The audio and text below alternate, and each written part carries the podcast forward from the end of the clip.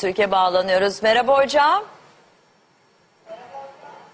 Merhaba. Çok şıksınız kırmızılar içerisinde. Benim de pantolonum kırmızı. Asorti olmuşuz sizinle. Kırmızı değil o, bordo. Ha. Olsun hocam ton son. Senin pantolonu bilmem, benimki bordo. Benimki kırmızı. Alev alev. Ay hocam çok seviyorum sizi ya. İyi misiniz? Olur. İyiyim, dikişler alınmadı, onun için çıkamıyorum henüz. Evet özledik vallahi sizi burada böyle Dikişler alınınca karşımızdasınız çıkacak. böyle hasret gideriyoruz ama böyle karşımda oturunca böyle canlı canlı daha iyi oluyor tabii ki haftaya inşallah. Sağlığınız nasıl hemen izleyicilerimizi bilgilendirelim ki niye hadi bugün hadi burada muhallebileri götürüyorsun orada. He. Neler? Muhallebi yok hocam. Siz de her hafta ne sizin de gözünüz benim yediklerimde galiba. Bakın göstereyim çok E, sağlıklı. gayet tabii, habire götürüyorsun, millet bilmiyor. Hocam 3 saat program Yalnız acıkıyorum ben- yapayım? Bakın çok sağlıklı dut, Ben de incir, muhallebi, erik. Efendim? ben de muhallebi dünden beri götürüyorum. Azize Gencebay pişirip getirmiş, çok Oh. güzel. Dünden beri ben de götürüyorum. Gelseydin sana da ayırmıştım ama gelmedin. Keşke hocam. Haftaya ben size sütlaç getireyim. Sever misiniz? Yalnız o çamur kaplarda olmasın ha. yok yok merak etmeyin. tamam anladım mesaj alınmıştır hocam. İyi Cam değil. kap olacak veya emaye filan. Tamam tamam mesaj alınmıştır tamamdır. Artık unutun onu haftaya cumaya kadar müthiş bir sütlaç yedireceğim size. Neyse hocam iyisiniz değil mi? İyiyim. Sağlığınız. Evet. Allah'a bin şükürler olsun. Hayır şimdi bugün gelmenizi... Bize dualarını eksik etmeyenlere teşekkürler ediyorum. Gayet iyiyim. Çok dua aldık. Onlar da bizi böyle düşünüldüğünden önce e, canlı hale getirdi. Şimdi sizin e, dikişleriniz pazar hemen izleyicilerimize söyleyelim tabii bu açıklamayı yapalım. Dikişleriniz pazartesi günü alınıyor. Pazartesi. Için pazartesiden önce evden çıkmanızı doktor istemediğinden dolayı bugün size evinize bağlandık. Herhalde yani. Herhalde. Hocam evet. arkadaki şey mi boğaz mı? Evet. Güle güle oturun. Ki İnşallah ben de bir gün e, gelirim bir muhallebinizi yemeye. Hocam şimdi e, bugün sizinle tabii ki her zamanki gibi çok şey konuşacağız. Çok şeyle ilgili izleyicilerimizi bilgilendirmeye çalışacağız. Fakat e, biliyorsunuz Selma Desmond da hayatını kaybetti ve şu anda Levent Camii'nde cenaze namazı kılınıyor. Arada sırada oraya bağlanacağız. Oradaki gelişmeleri aktaracağız izleyicilerimize. Size sormak istiyorum. Ölüm e, Kur'an'da nasıl tasvir ediliyor? Oradan başlayalım isterseniz. Ya şimdi bak sabah birisi ölmüş Allah rahmet eylesin tamam da bu jargona uymaz. Şimdi hasta ameliyat masasından kalkmış dikişleri alınmamış bir adamla ölüm konuşulma. Ya ben konuşurum bana vız gelir de jargona aykırı dedikodu olur haklı olarak. Şimdi bunu geçelim. Ölmüş gitmiş. Allah rahmet etsin. Onun için demiyoruz ki Başka hocam. vesileyle konuşuruz. Hayır genelde ölümü konuşuyoruz Ha? yani. Her canlı ölümü bir gün tadacaktır Genelini sonra denmiyor mu? konuşuruz. Efendim? Hayır. Sonra Hocam- konuşuruz onu. Hocam siz peki korkuyor musunuz ölümden? Ölüm Kur'an'da nasıl? Nasıl? Bir Hayır. dakika, bir dakika. Nasrettin Hoca'ya sormuşlar. Kıyamet nedir? Demiş ki küçüğünü mü soruyorsun, büyüğünü mü? E, İkisini de söyle demişler. Vallahi hanım ölünce demiş küçük kıyamet kopar. Ben ölünce büyük kıyamet kopar. Sonrasını ben bilemem. Şimdi ölüm nedir? Montaigne geliyor aklıma denemelerinde o büyük düşünce adamı diyor ki ölümden niye ben çekineceğim? Ben varken o yoktur. O geldiği zaman da ben olmayacağım. Dolayısıyla ölümü neyini konuşacağız yani? O geldi mi biz olmayacağız, biz varken de o yoktur. Bu kadar basit. Hayır ben sadece Kur'an'da nasıl e, tasvir edildiğini merak ettim de onun için. Bir de birçok şey var bu hocam. benim Ya- dediğim gibi tasvir ediliyor. Ölünce anlarsın. Tamam. Tövbe değil Ölünce hocam. anlarsın nasıl. Hocam e, ama bir, bakın gerçekten bu önemli bir konu. Yani bugün için demiyorum size yani he- hepimiz aynı şey hepimiz öleceğiz yani. Bu da e, bildiğimiz bir tek insan biliyor canlıların içerisinden öleceğini ve ona göre onun için yaşıyor zaten. Ölünün arkasından tutulan yaslar vardır, okunan dualar vardır. Bunların hepsi konusunda bizi bilgilendirirseniz çok seviniriz. Yani yas tutma süresi var mıdır? İşte yedisi nedir, kırkı nedir, 52'si nedir? Ha onları söyleyeyim. Yas tutma falan diye ölüm gayet tabii birisi öldüğü zaman onun yakınları, sevenleri arkadan üzülür ama matem tutma diye bir şey İslamiyet'te yoktur. Bu Allah'a isyan anlamına gelir. Yani yaratıp gönderirken iyi, alırken kötü. Haşa böyle bir şey olmaz. Ne ne yas tutuyorsun? Üzülürsün. Ta gayet tabii üzülürsün. Yas tutmak Sevenler derken buna neyi iştirak kastediyorsunuz? ederler. O da doğal. Yas tutmak derken hani matem yoktur derken neyi kastediyorsunuz? Ne yapılması lazım yani hani evet defnedildi mesela birisi. Ondan sonra hani vardır o 40 gün evinden çıkmayacaksın 52'si çıkmadan çıkmayacaksın işte e, Yoktur.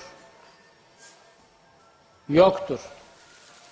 7, 40, 50 bunların hepsi putperest adetidir. Şamanizmden geçmedir onlar bize.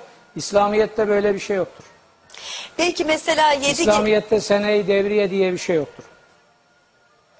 Böyle Bu bir pe- şey yoktur. bunlar olumsuz şeyler mi hocam? Hatırlarsınız Allah rahmet etsin dersiniz. O kadar.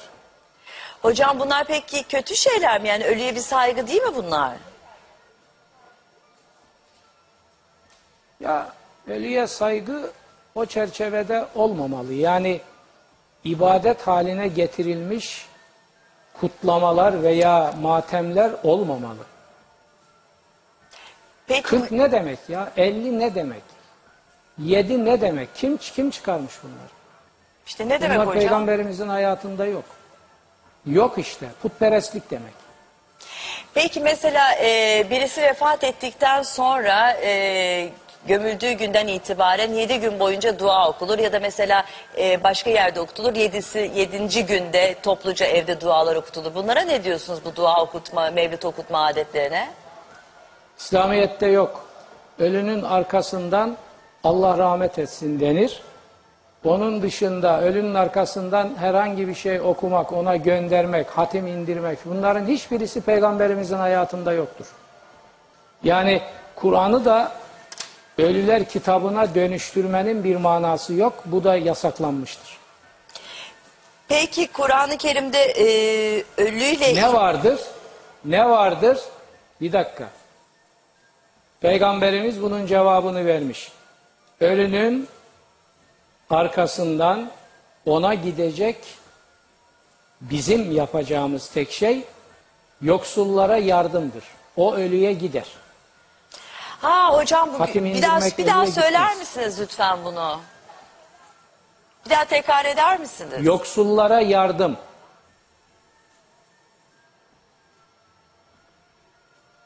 Ya birisi Bir de şey daha.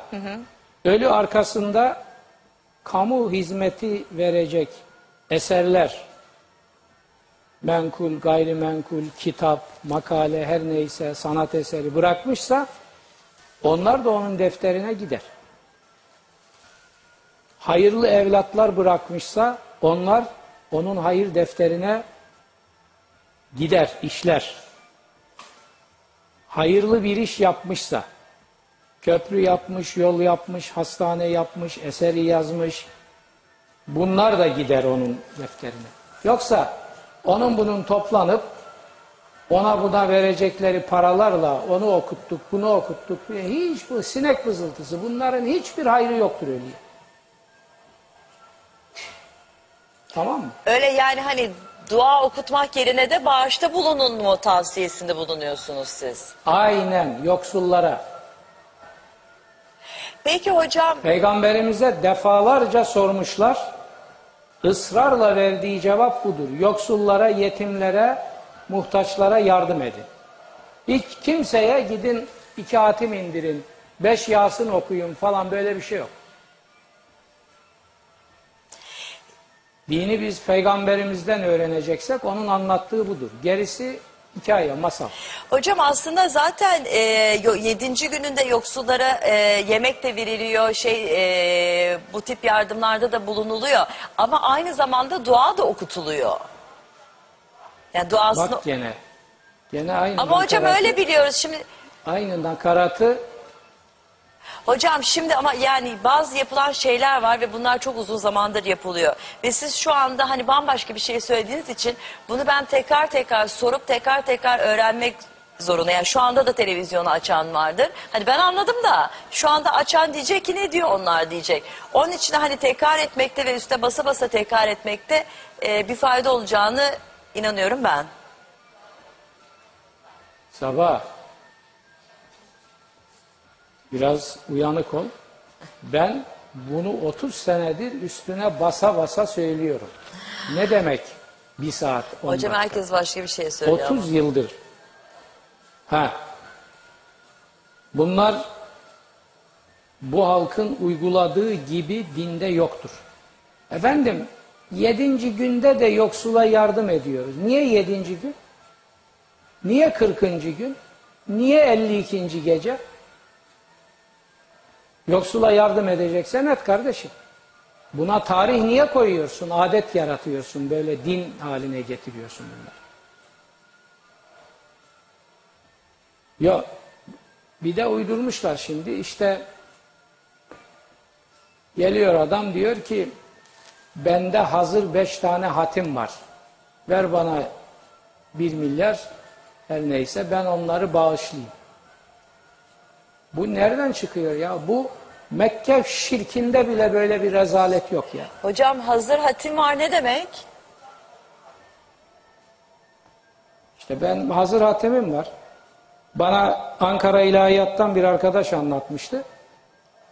Ramazan günleri cami avlularında şişelerde hatim satıyorlar. Şişenin ağzını açıyor, bir hatim sana. Bir kadın da demiş ki evladım benim 300 lira param yok. 100 liram var ben ne yapacağım?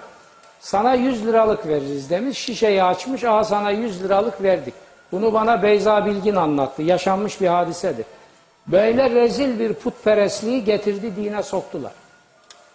Bu bir ticari sektör. Şimdi bunlar benim dediklerimi duyduklarında eminim sinirlenecekler. Allah hidayet versin ben ne yapayım? Üç kuruş menfaat için bu dine bu kötülük yapılır mı? Allah'tan korkun ya. Allah rızkınızı verecektir. Gidin başka taraftan arayın. Bu dini bu maskaralığa alet etmeyin.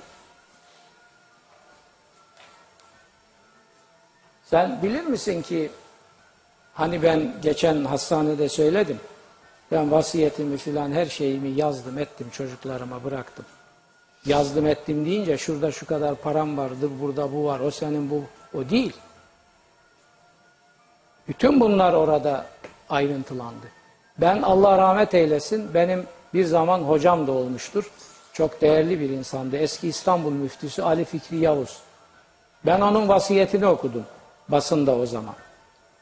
Benzeri bir vasiyet biz de bırakıyoruz. Yani başka nasıl olabilir? Biz hayatımızı Kur'an'ın üstüne bindirilmiş hurafelerle mücadele ederek geçirdik. Kendi hayatımız buna alet olursa bu bizi rahatsız eder. Hocam tabii şimdi bu konuyu biz... Şimdi konu- mesele şudur. Buyurun. Mesele şudur Sabahcığım. Hasan-ı Basri'den bir örnek vermiştim. Bir arkadaşı diyor ki ona ölümden çok korkuyorum. Çocukluk arkadaşı. O tabi sıradan bir adam. Hasan-ı Basri de İslam düşüncesinin anıtlarından biri. Diyor ki Hasan ölümden çok korkuyorum. Yaşta gitti falan. He korkarsın diyor. Çünkü öbür tarafı berbat ettin hayatın boyunca. Şimdi ora aklına gelince korkuyorsun. Ben korkmuyorum diyor. Ben öbür tarafı berbat etmedim. Şimdi Hasan-ı Basri'ye şükran ve tazimlerimi ileterek söylüyorum. Bizler de bunu söylüyoruz. Öbür tarafı berbat edenler bu hurafelere sığınarak işi sıyırmaya bakıyorlar. Öyle yağma yok. Öyle yağma yok. Yediyle, kırkla bilmem neyle kimse bu işin içinden çıkamaz. Adam gibi yaşayacaksın. İmanla yaşayacaksın. Hayat nimetinin hakkını verip arkaya bir şey bırakacak, bırakacaksın. Ben kimsenin hatimine bilmem neyine ihtiyaç duyar mıyım? Benim hayatım zaten çıkmış ve Kuzey'le de hep e, konuşuyorlarmış. Daha sonra ağrıları artmış e, ve kendisine morfin verilmeye başlanmış. Ve e, Kuzey de ifade etti, bu adını vermek istemeyen arkadaşı da Selma Hanım ifade ediyor ki son dakikalarında da huzur içerisindeymiş. Ağrısı sancısı kesilmiş, e, yüzüne huzur çökmüş bir melek gibiydi diyor. Ali Taran da Selma Hanım'ın durumuyla ilgili bilgileri hep oğlu Kuzey'den almış. Çünkü Selma Hanım onun eve gitmesini istemiyormuş. Öyle iddia ediyorlar. Ee, ve arkadaş da diyor ki bu yüzden Ali onu dinledi ve hiç eve gelmedi.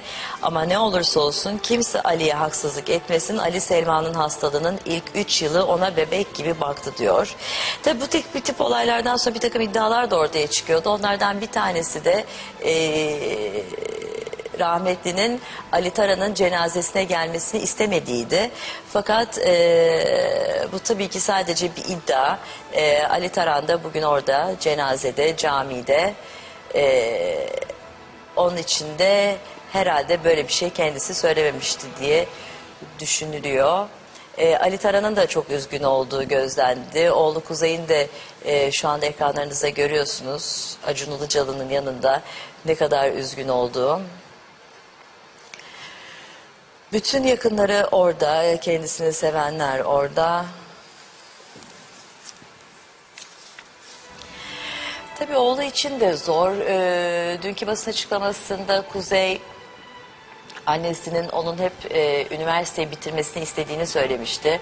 Hep bunu tekrarlarmış her ne olursa olsun oğlum üniversiteyi oku, üniversiteyi bitir diye. Ee, onun için de tekrardan kendisi Amerika'ya dönecek e, üniversitesini bitirmek için, eğitimini tamamlayabilmek için. Selma Hanım'ın nereye defnedileceği de bir tartışma konusu olmuştu. Kendisinin kimi iddiaya göre İzmir'de, kimi iddiaya göre de İstanbul'da e, defnedileceği konuşulmuştu. Fakat e, öğrendiğimize göre Ulus'ta, e, bugün İstanbul'da Ulus'ta cenazeden sonra kendisi defnedilecek. Ünlülerden Hülya Avşar cenazede, Acun Ilıcalı cenazede, Masar Alanson, Fatih Terim, bazı futbolcular e, cenazede olduğu ve birçok ünlü ismin de cenazede olduğu gelen bilgiler arasında.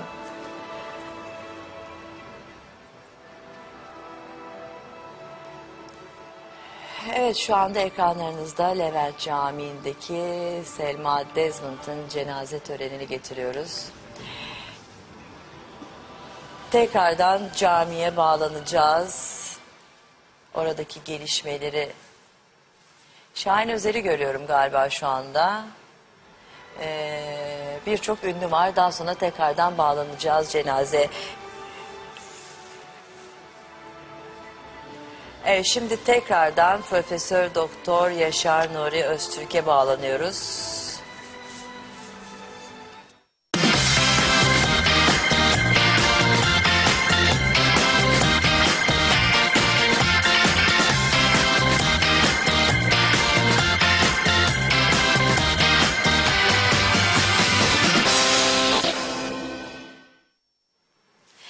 Evet hocam.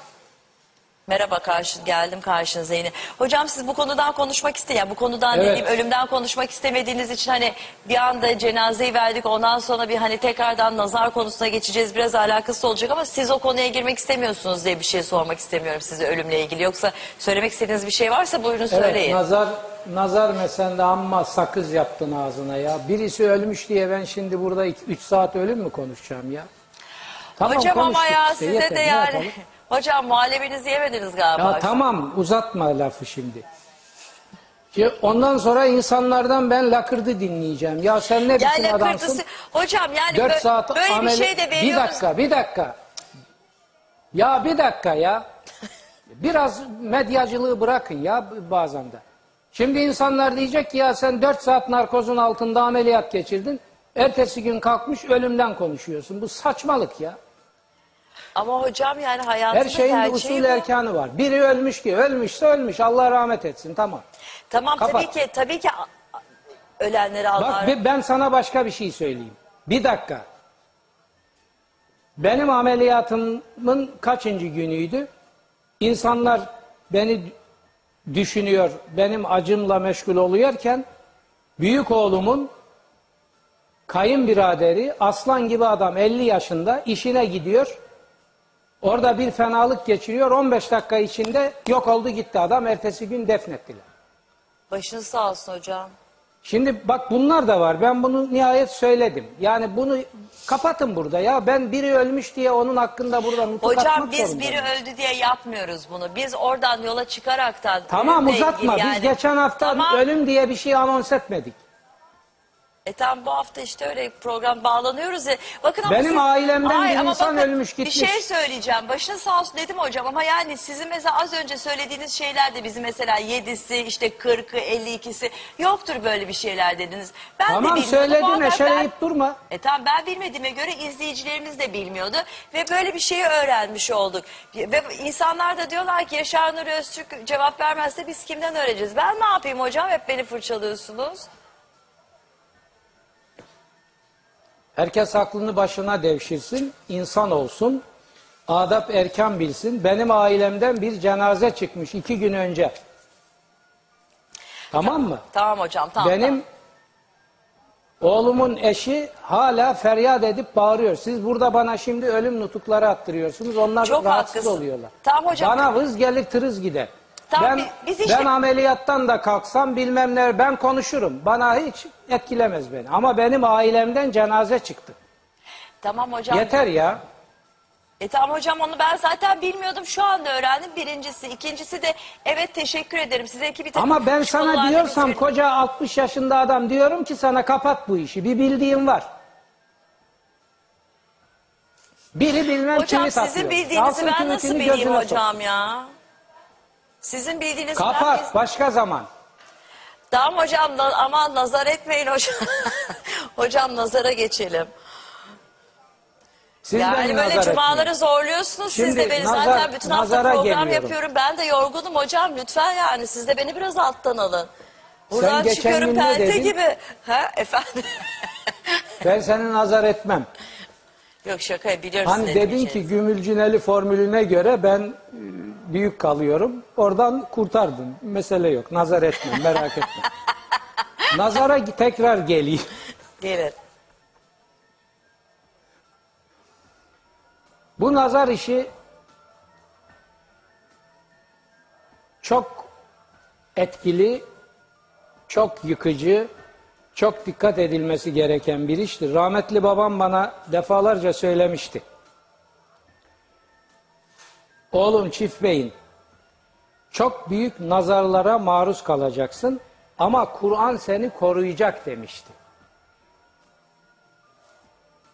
Ben hayatımda akıl almaz başarılara imza attım. Birçok yaratıcı gücü Cenab-ı Hak bize Hocam, vermiş. bir dakika. Onlar hep bize nazar getirdi ama ben diyorum size herkes yaşayışına dikkat etsin, göze batırmasın her şeyini. Hocam bir dakika kaldınız. Yoksa nazar gelir. Hocam kaldığınız yeri unutmayın ama çok güzel bir tweet gelmiş. Kimden? A Asi Karsı mı Kaz Karzu? Diyor ki Yaşar hocam neden bu kadar sinirlisiniz? Nazara mı geldiniz? Evet. Aynen öyle. Çok güzel tweetti. Aynen öyle. evet şimdi onu da bir söylemek istedim size. Buyurun devam edin. Evet e, çok fazla gösteriş yapmamak gerektiğini söylüyorsunuz. Peki e, az Yani önce insanlar- dediniz ki Kur'an seni koruyacak dediniz. O zaman e, nazara gelenler veya nazara gelmeyenler ne yapmalı, ne etmeli? Kur'an nasıl koruyacak? E, bizi koruyan ayetler var mıdır? Kur'an korur. Kur'an ayet mayet öyle yağmacılıkla korumaz. Benim gibi ömrünüzü Kur'an'a vakfedersiniz, Kur'an sizi korur. Yoksa öyle ezberleyip yalan yanlış iki tane ayet okumakla öyle çar, çarpmakla olmaz. Öyle yağma yok.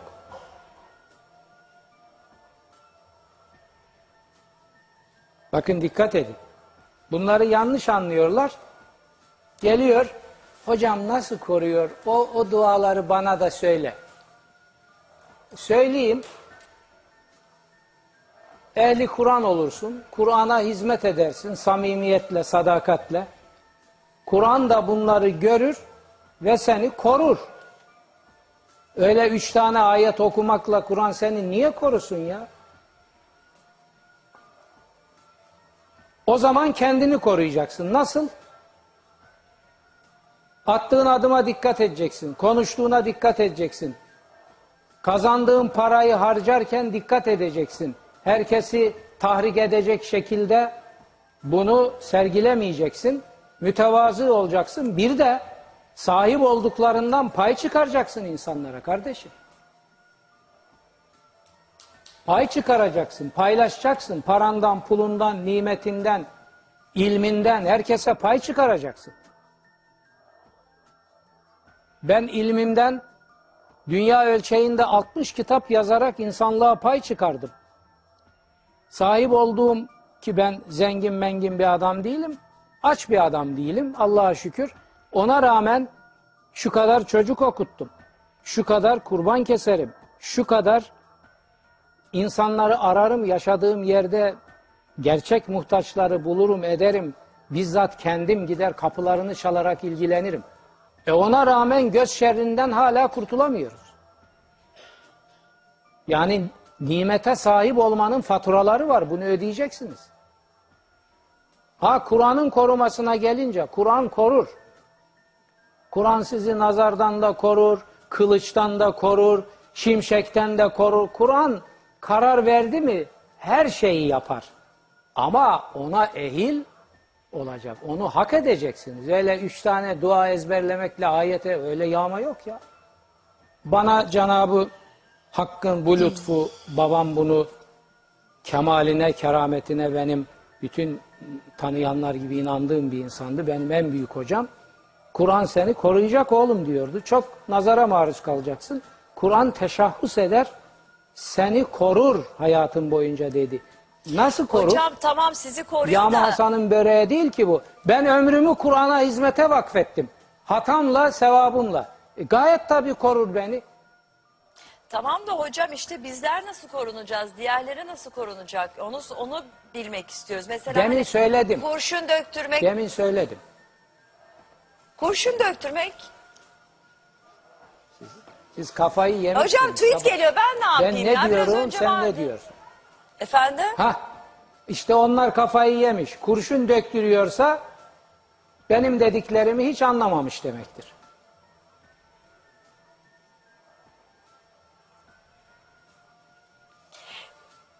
Yoksullara Peki. yardım diyorum. Tamam yoksul. Paylaşmak diyorum. Tamam yoksullar. Peki ama diğer başka şeyler de var bildiğimiz. On- Paylaşmak, paylaşmak. Sabah Yunus böyle Emre mesela ne diyor? hani dil Büyük fa- Yunus. Efendim? Zamanın üstüne çıkmış Yunus ne diyor? Gitmez gönülden darlık, elde oldukça varlık. Hocam bir saniye hemen cenazeye elde olan varlığı paylaşacaksın. Bir saniye hemen cenazeye bağlanıyoruz. Cenazeyi alıyorlar.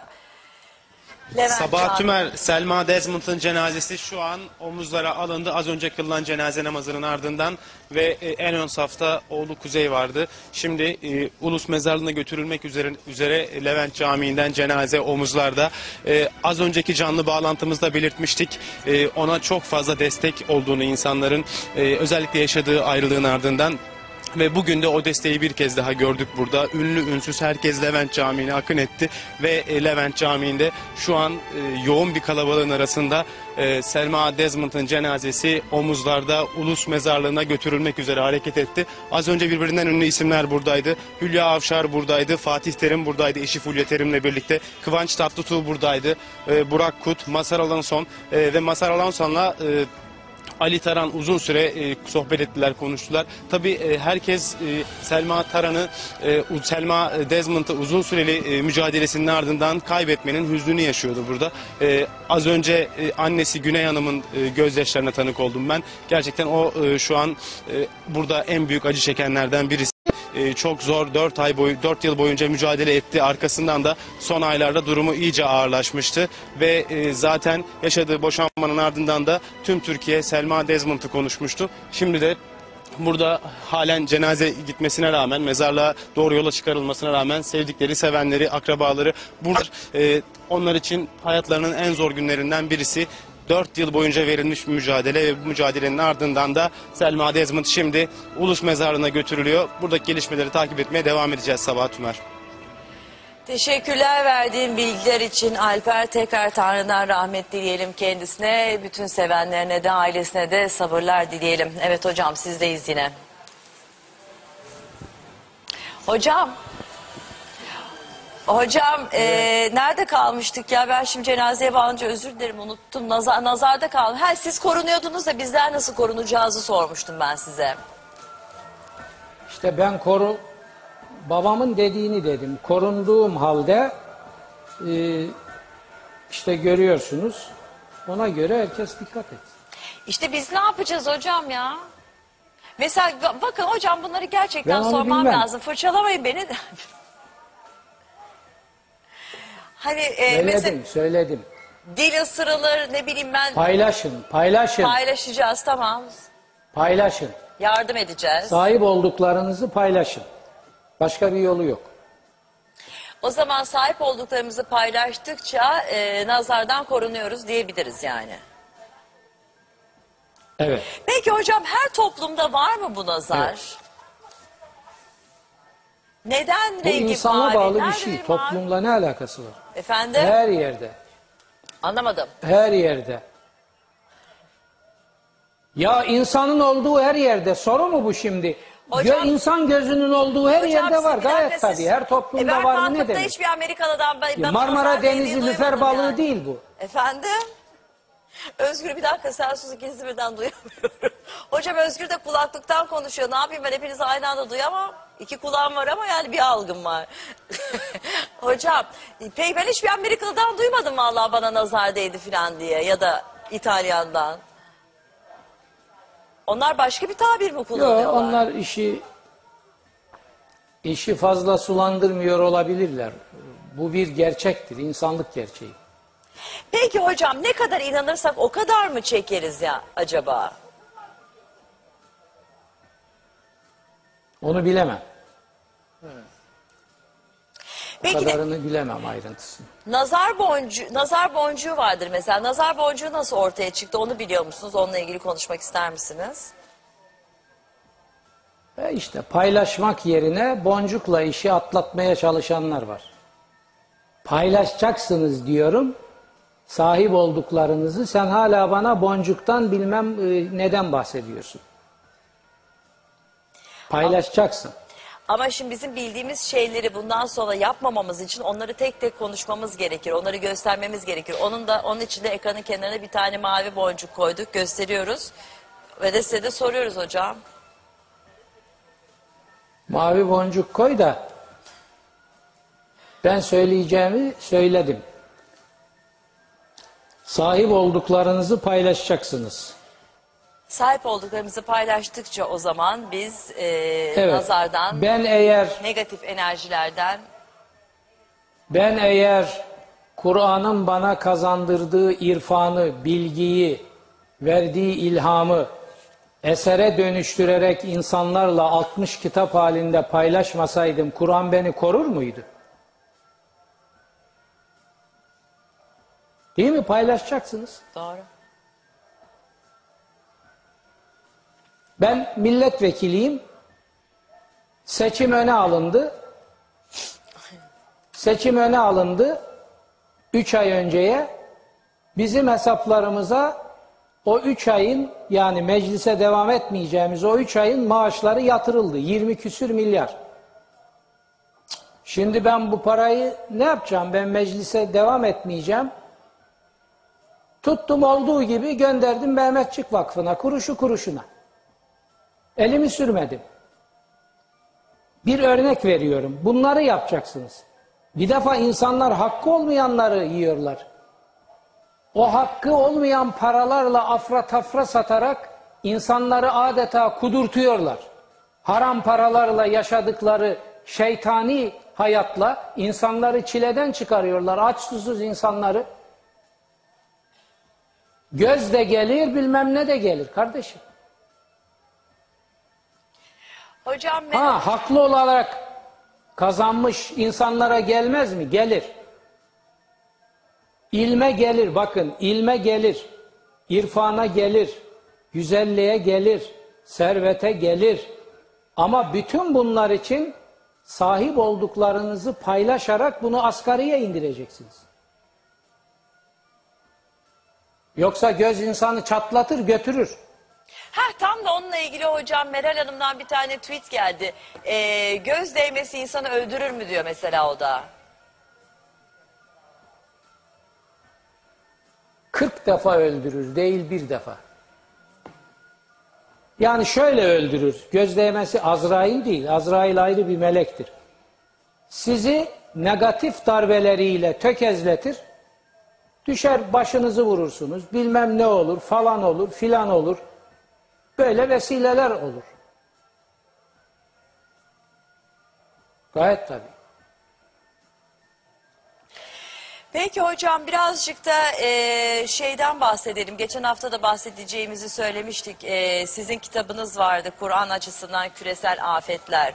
O konuyla girelim mi? Girelim. Ha, Hayır yok yani nazarla ilgili başka şeyler söylemek istiyorsanız ben dinlerim sizi de. İstiyorsanız ona Hayır girelim. yeter canım yeter artık. Yeter. Küresel afetler Hocam Özgür diyor ki e, ben azar işitmeyeyim diye artık Özgür'ün adını kullanıyorum. İzle... Özgür diyor ki şeyler izleyiciler Felak ve Nas surelerini soruyorlarmış nazardan korunmak için. Ben sormuyorum valla Özgür söyle. Özgür ver tweet'i hocamız görsün ben çok Tamam. fırça yedim bugün. Efendim okusunlar. Ha okusunlar mı? Kur'an okumanın en, Kur'an okumanın haşa kötüsü olur mu? Okusunlar ama temel çare paylaşmaktır. Bak söylüyorum tekrar. Tamam. Tamam. Şimdi küresel afetlere gelince söyleyeceklerim var giriş olarak.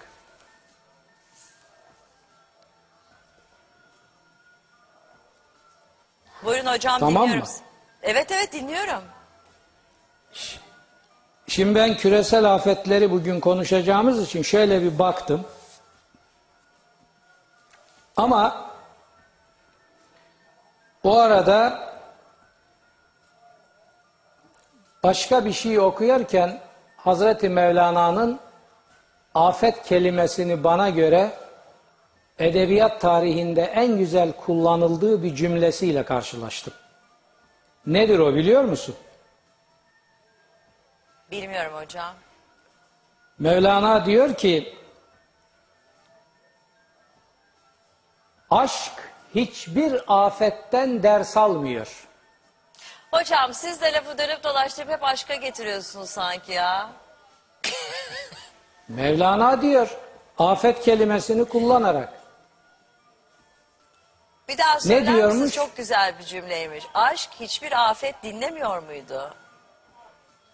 Hiçbir afetten ders almıyor Ha diyor. hiçbir afetten ders Afetten ders Almaz alan hocam. akıldır.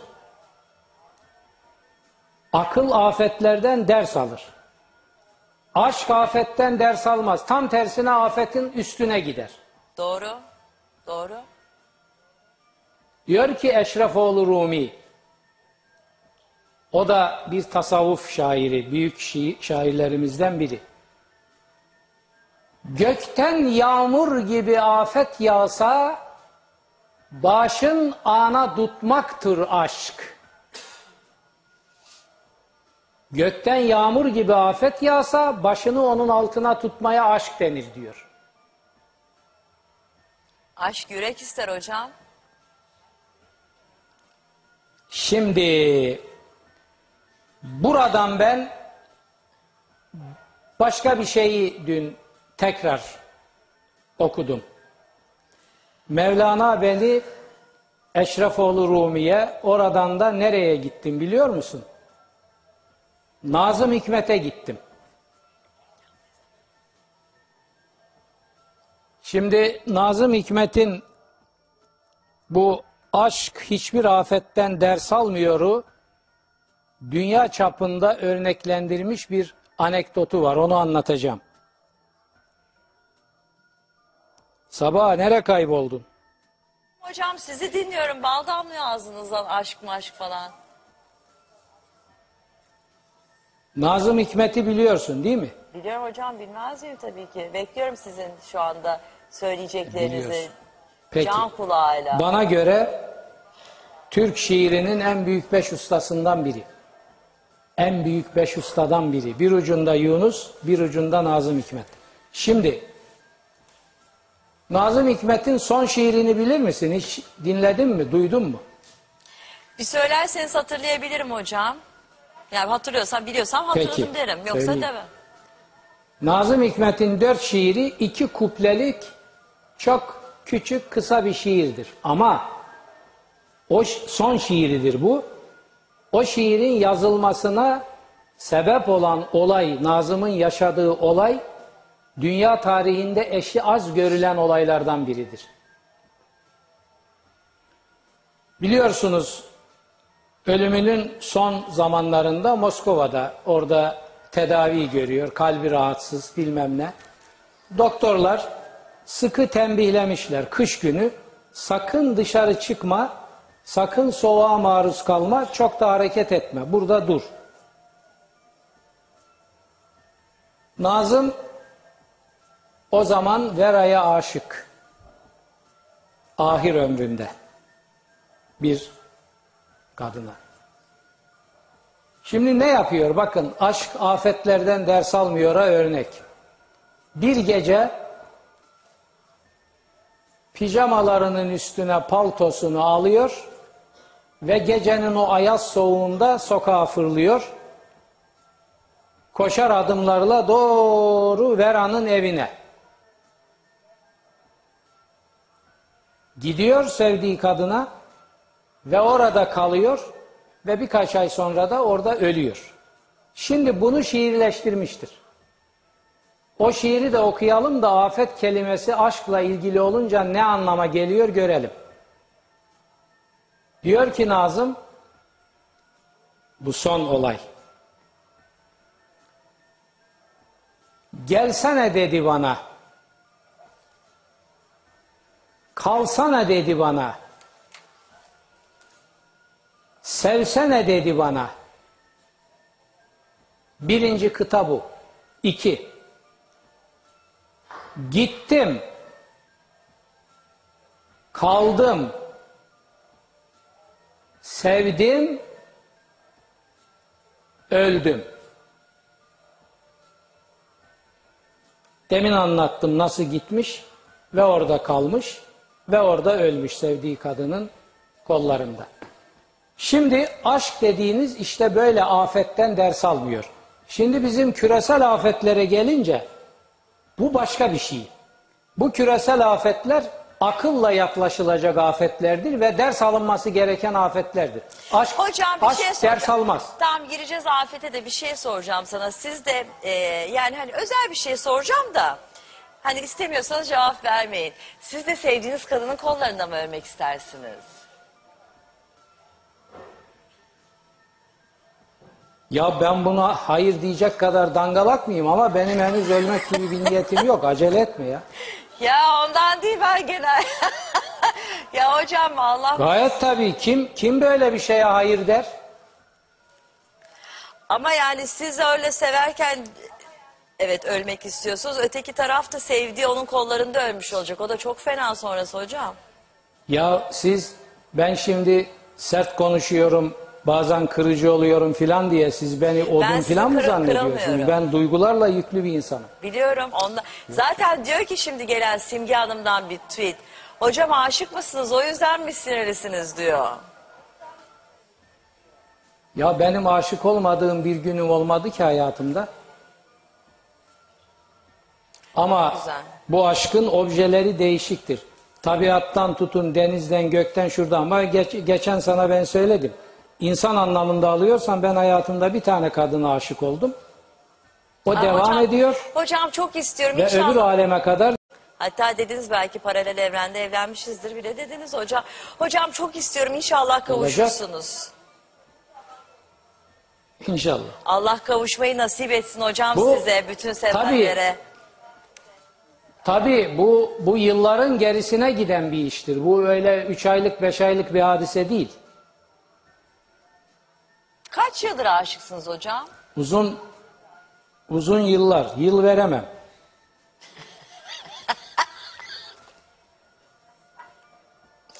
Buyurun Yıl hocam. veremem. Deşifre mi edeyim yani? Onu Hayır, mu demek Ben istiyorsun? yıl verin kelimesi? demedim, tarih demedim hocam. Dersiniz ki mesela 7 yıl, 7-8 yıl, 9-10 yıl, 15-20 yıl. Yani böyle yuvarlak cümleler de var yani. Boş verin Epey siz. yıl. Epey yıl sabahcığım o yeter. Efendim? Duymadım hocam. Epey yıl, epey, Epey yıl. yıl. Hocam inşallah kavuşursunuz. Vallahi çok içimden geldi. Kavuşursanız bana söyleyin. Merak etme. Tamam. Hocam şimdi biz tam afetlere giriyorduk ama başka bir şey e, mesaj geldi. Nazar değmemesi için paylaşacağız diyor hocamız diyor. Güzelliği nasıl paylaşacağız? Ama hocanın dediği zaten... Paylaşılır. Tevazu göstererek, şımarmayarak, ona buna burnunun ucundan bakmayarak paylaşırsın işte. O da paylaşımdır. Tevazu göstermekte bir paylaşımdır. Tamam şimdi e, şey var mı aşkla ilgili eklemek istediğiniz başka şeyler? Yok. Sizin aşkınızla demiyorum Zaten- aşk konusuyla ilgili diyorum. Anladım. Zaten bütün alem aşkın bir zeylidir. Neyi ekleyeceğim ben ki? Bilmiyorum ki güzel bir şey. Belki hani belki söyleyebileceğim. Şimdi kimisi e, madem aşka girdik hocam. Kimisi aşktan korkar. Kimisi aşktan kaçar. Kimisi aşka körü körüne gider. Yani gözü karadır aşka gider. E, bir- çeşit insan var. Kimisi işte e, aşkı bir tarafa iter başka bir tarafa gider. Yani hani aşka gitmez de paraya gider. Ne bileyim ben var birçok birçok şey var yani. Ne diyorsunuz? Sizce aşka gidilmeli mi? Yani son E, tabii canım. Ha, eşek, eşek sonu- de ota ve yala gider. O ayrı bir iş. yani ne dedi? Eşek nereye gidiyormuş? Herkes bir şeye gider tabii. Hayır. siz- hocam ya. Hayır siz neyi söylüyor, neyi tavsiye ediyorsunuz? Hani aşkın sonu hüsran da olacak olsa, acı da olacak olsa gidin mi diyorsunuz? Tadın mı onu diyorsunuz yani? Evet. Aşk. Bakın hesap kabul etmez aşk. Hesap girdi mi işin içine aşk yoktur orada. Aşk e, aktörlüğü vardır. O aşk falan değildir. O nefret unsuru bir şeydir. C- e, Ay beni çok aktörlük. seviyor bana tek taş aldı değil yani. Aa o te- işte tektaş. Hayır Şimdi o değil zamanımızın yani. tektaşçıları. Aman aman aman aman aman. Bakın. aman aman Allah şerlerinden korusun. Amin hocam. Şimdi bakın ne der? Gerçek aşktan söz edeceksek. Bakın şahit olduğum bir mesaj son günlerde. Bakın şuna. Diyor ki karşı tarafa bu vatandaş. Aşkınla geçen onca yıl boyu çektirdiği acılar için Tanrı'ya sitem değil şükürler ediyorum. Hangi tek taştan bahsediyorsun? Hocam size mi geldi? Çektiğim çileler için ya kime geldi geldi. Ben muttali oldum. Ne yapacaksın sen? Hayır hocam ne oldu biliyor musunuz? Siz kitap Tektaş açınca- şeytanları vardır tabii. Onlar tektaş avcıları. O, o ayrı bir iş. Tabii. Kadında da Onlar var, aşk erkekte de kelimesini var. ağızlarına Hocam, almamalıdırlar. Kadında Ayıp. da var erkekte de var ama. Yani Gayet tabii. Tabii yani onu şey yap hani tek taş demeyelim Tabii. sırf yani hani. Onu öyle bir Erkekte bunlara jigolo derler genelde. Evet.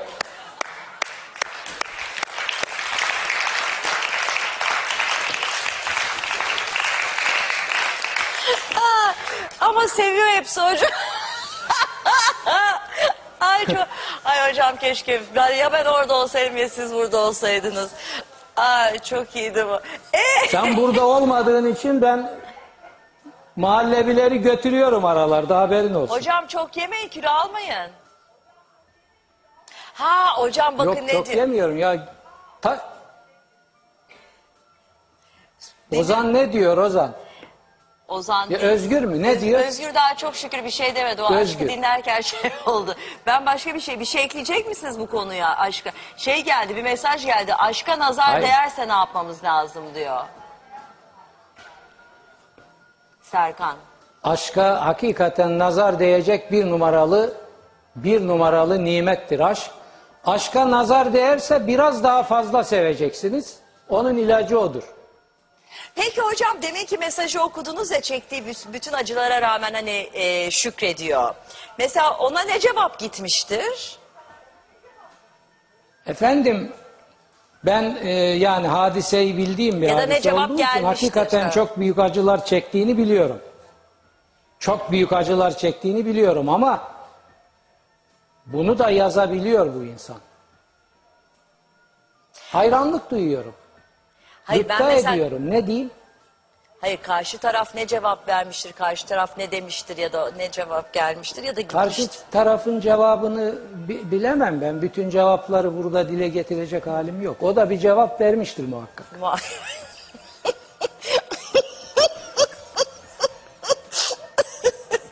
Muhakkak vermiştir hocam. Ama gerçekten hani yaşanan her şey ya aşk acısı da geçiyor zamanla yani o kadar da geçmeyecek bir şey değil aşk acısı yani. Kişiden kişiye değişir onun E şimdi ama bu mesaja cevap vermez mi adam yani dangalak mı? Gayet tabii buna cevap vermiştir muhakkak. muhakkak o- ben de onu dedim hocam. Peki eee bir şey diyecektim ya unuttum. Neyse aşk acısı da geçiyor hocam o kadar da geçmeyen bir şey değil yani. Ve Aşk önemli, acısının önem- bizzat önemli kendisi olan da ilaçtır. gerçekten de hani onların o kişilerin hayatına girdiği için daha sonra tabii o acı geçtikten sonra oluyor da onlar o kişiler hayatına girdiği için gerçekten Allah'a şükretmek de çok önemli. Laf lafı açıyor. Ben de kariyerimi Bizim aşk acıları tarihimizin- üzerine kurdum hocam. Ve şükrediyorum hepsine. Sen sen benim yanımda bir aşkla ilgili bir doktora yap. ben sizin yanınızda mı? Hocam durun daha yeni başladık. E, tez yapacaksın. Ben üniversite yapacağım, hocası değil yapacağım, miyim? yapacağım. Aşk Bana konusunda bir tez yapacaksın. Ben sana danışmanlık yapacağım. Ha ben yaşayacağım size mi anlatacağım? Sizin ağzınızdan Allah'ın kulağına hocam. Ya tez yapacaksın. Tez, tez. tamam hocam anladım. Hocam diyor ki Sevda Hanım. Şey Sevda Çelik tweet geldi. İlahiyat değil aşk profesörü olmalıydınız hocam diyor. Zaten öyleyim merak etme. Ama hepsi bir aşk. Hocam aslında hayat bir aşk. Hayatın esası aşk. Evet onu dedim. Güzel bir şey onun için de aşk. İslam İslam düşüncesinin tasavvuf disiplini hayatın esasının aşk olduğunu söylüyor. Daha bir şey var. Hallacı Mansur gibi büyük şehit sufilere göre Allah'ın esası da aşktır. Doğru. Tamam mı? Tamam. Şimdi bir büyük sufi düşünürümüz daha var. Benim doktora tezimin konusudur. Kuşadalı İbrahim Halveti 19. yüzyıl. Diyor ki Kuşadalı bütün zehirleri bala çeviren bir iksire ihtiyacımız var. O iksir aşktır.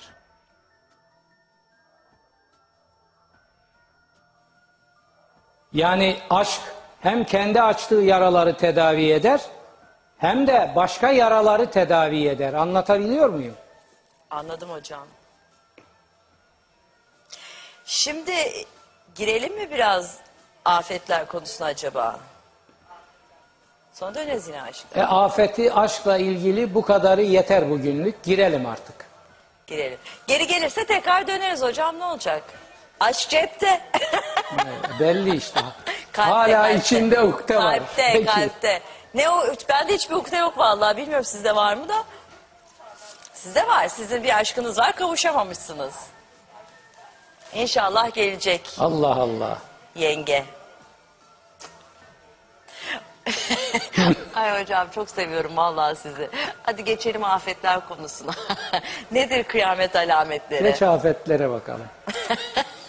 Geç bunca afet yeter. Geç şimdi öbür taraf. Bir dakika şu tweet'i de okuyup ondan sonra geçecekmişim. Aa, bu çok fena. Hocam evliyken aşık olursak ne yapacağız? Bu duygudan nasıl kurtulabiliriz diyor. Özgür orada rahat durmuyor değil mi? Özgür habire fitliyor seni. Yok Özgür tweet veriyor. Verdi işte tweet'i. Sevgi Hanım'dan gelmiş. Saygı mı diyor orada ne diyor? Bir şey diyor. Neyse e, ev, evliyken aşık olursak ne yapacağız? Bu duygudan nasıl kurtulabiliriz? Bu fena hocam. Ha onun yolu belli. Gidersiniz beraber olduğunuz insana durumu anlatırsınız yürek acınızı. Onu da kırmadan onun iznini alır. O da buna saygı duyarsa bunun örneklerini de yaşadık geçtiğimiz yıllarda bizim siyaset hayatımızda bir bakanın başına geldi. Eşi dedi ki madem aşık olmuş ben saygı duyarım buna ben çekilirim aradan. Büyüklük gösterdi. Ha aksi olursa duman oldunuz demektir. O zaman afetler yağmur gibi gelir. Nasıl yani? aksi Yani olur? böyle diyebileceği gibi şunu da diyebilir. Ha. Sürüm sürüm süründüreceğim. Eyvah. Benim üstüme gül koklanır mı? Yandın işte o zaman.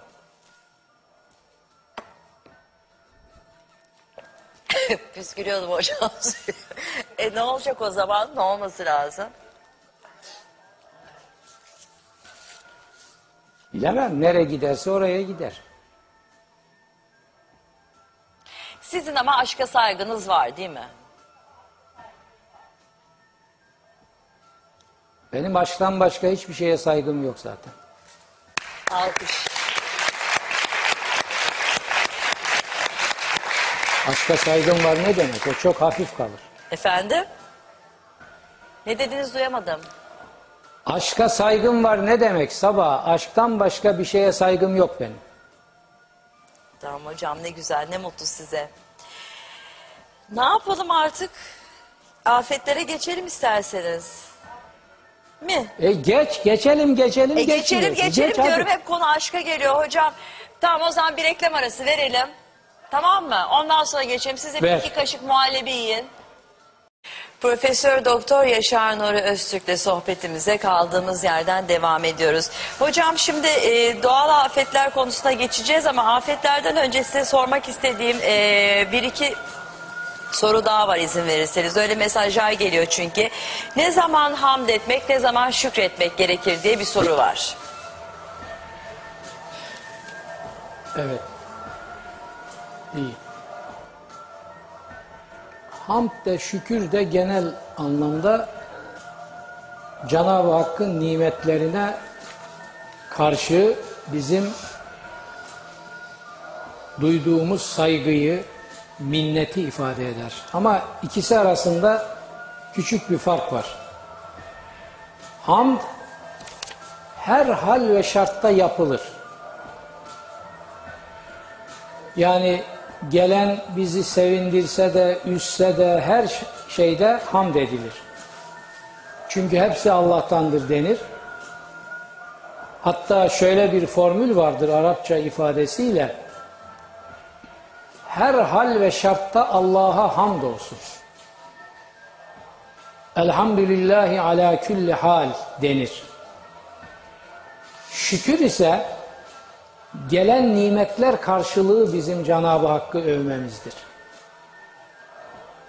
Bize gelişinin artmasını istediğimiz nimetler karşısında şükrederiz. Hamd'de ise bize gelişinden hoşlansak da hoşlanmasak da Allah'a saygının ifadesi olarak hamd ederiz. Ama şükrü bize gelmesini, devamını istediğimiz nimetler için şükrederiz. Şükür nimeti artırır. Ha.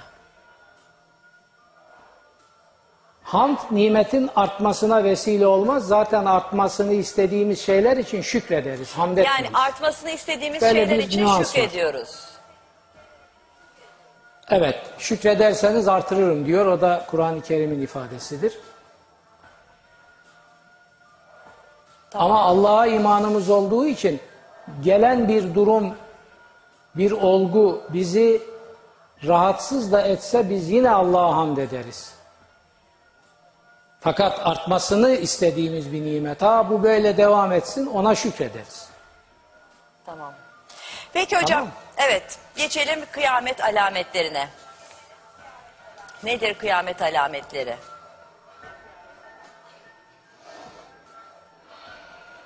Şimdi kıyametle ilgili bir genel bilgi vereyim Kur'an perspektifinden. Kıyam kelime anlamıyla ayağa kalkmak demektir. Onun için bütün ayağa kalkışlar, bütün doğuşlar bireysel, toplumsal ve evrensel bazda hepsi kıyamet kavramı içinde ele alınır. İkincisi, biz kıyameti bir yıkılış, çöküş, yok oluş diye düşünürüz. Hayır, öyle değildir. Kıyamet aynı anda bir şeyin yok oluşu, onun yerine yeni bir şeyin var oluşunu ifade eder. Mesela Kur'an-ı Kerim toplumların çöküşlerini de bir kıyamet olarak görmüştür. Ve bunu inkılap kelimesiyle ifade ediyor Kur'an. Devrim. Dolayısıyla bir toplumu bir halden bir hale geçiren devrimlerin her biri de birer kıyamettir. Bir şeyi yok eder, yeni bir şeyi onun yerine oturtur.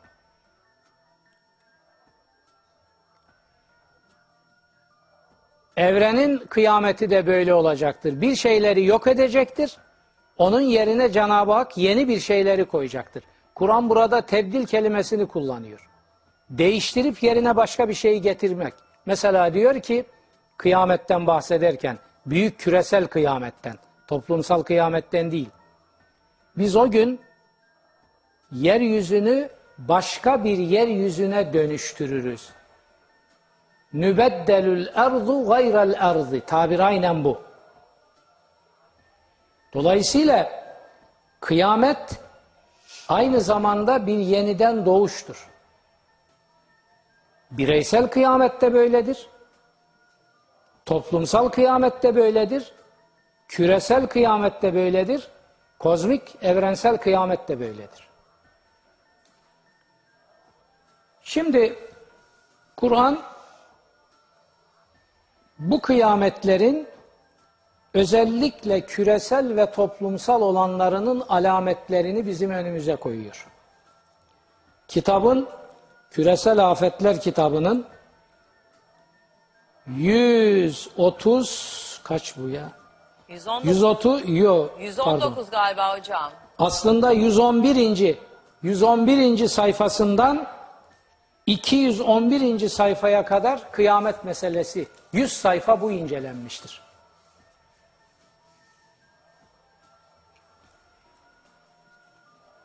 Nedir alametleri?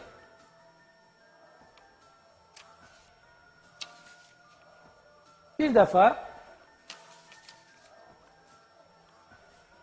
toplumsal kıyametin temel göstergesi iş ve emanetlerin ehil olmayanlara verilmesidir. Diyor ki Hazreti Peygamber, bir toplumda nimetler, emanetler, işler ehil olmayanlara verilirse, onları hak etmeyenlere verilirse o toplumun kıyametini bekle, yakındır diyor. Çöker o toplum.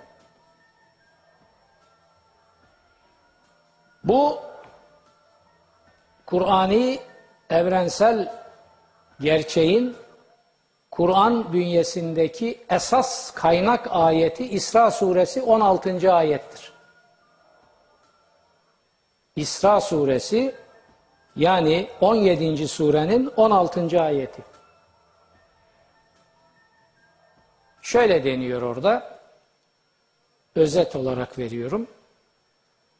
Kitapta görecekler e, açık şeklini. Bir toplumu çöküşe götürenler o toplumun nimetlerine, imkanlarına, servetlerine el koymuş ama bunun hakkını vermemiş olanlardır diyor.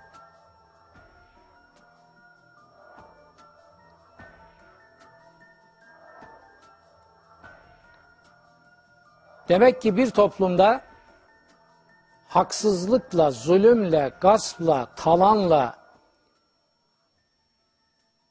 devlet malını çalıp çırpmakla, halkı bir biçimde aldatıp soymakla elde edilmiş servetler teraküm ettikçe, dikkat çeker hale geldikçe toplumun çöküşe doğru gidişini hemen fark edeceksiniz ve buna göre tedbir alacaksınız. Almazsanız toplum çöker.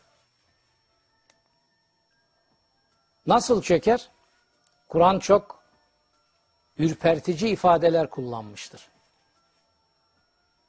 Damlarla temeller yer değiştirir diyor. Bakın. Öyle bir çöküş gelir ki mecazi bir ifade altı üstüne gelir toplumun. Nitekim İsra suresi 16. ayette şu tabir kullanılmıştır. O toplumdan bahsedilirken fedemmernaha tedmira biz onun altını üstüne getiririz o toplumun. Bu devrimlerle olur. Bunu da Şuara suresinin son ayeti söylüyor. Ve inkılap kelimesini aynen kullanmıştır fiil halinde. Bu zulmedenler, bu halkın alın terine, emeğine ihanet edenler, kamu mallarını talan edenler, Maun suresinin melun mücrimleri, ihlalcileri bilmelidirler ki yakın zamanda bir devrimle tepe taklak olacaklar ve yere batacaklar. Eyyemun kalebin yenkalibun. Hangi inkılapla alt üst olacaklarını görecekler diyor yakında. Burada kültür insanlarına bir önerim vardır. Toplumların bu şekilde çöküşlerini tarih içinde en muhteşem biçimde felsefi ifadelerle bize veren tarihin en büyük tarih felsefecisi olan İbn Haldun'dur. Müslüman düşünür İbn Haldun. Onun mukaddimesini okusunlar. Toplumsal kıyametin göstergelerinden biri bu. Bir tane daha peygamberimizden alıyorum. Formüler ifadeleri vermiştir. Bir toplumda dün baldırı çıplaklar arasında görülen aynen bu tabiri kullanmıştır. Hufat uryan. Baldırı çıplak bir takım adamların bir takım oyunlarla, hırsızlık oyunlarıyla, dalaveralarla servet sahibi olarak kısa sürede gökdelenler diktiklerini gördüğün zaman o toplumun çökmek üzere olduğunu diyor anlayacaksın. Bakar mısınız? Toplumsal kıyametten bahsediyoruz şimdi.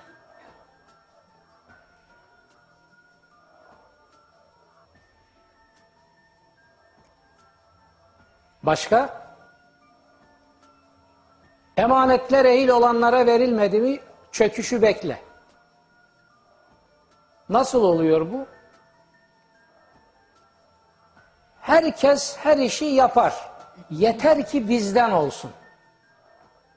Türkiye'de 50 yıldır bu acıdan mustariptir ya biliyoruz. Bizden iyi bilen olamaz bunu.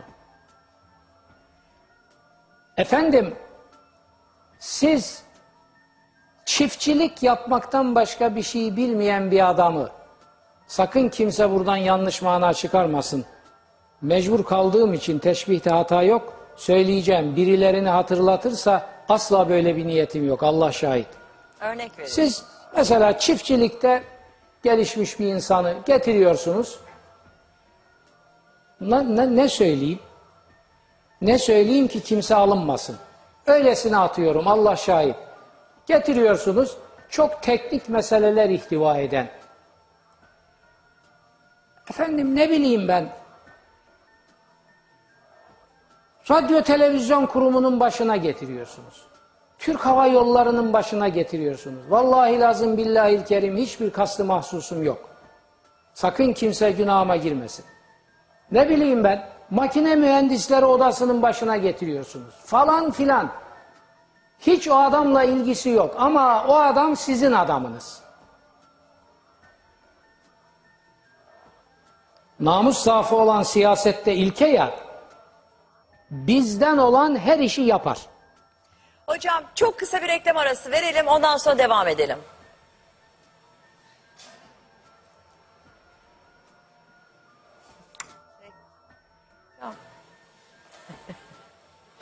Sabah Tümer'le bugün bir de ismi daha gururla sunar.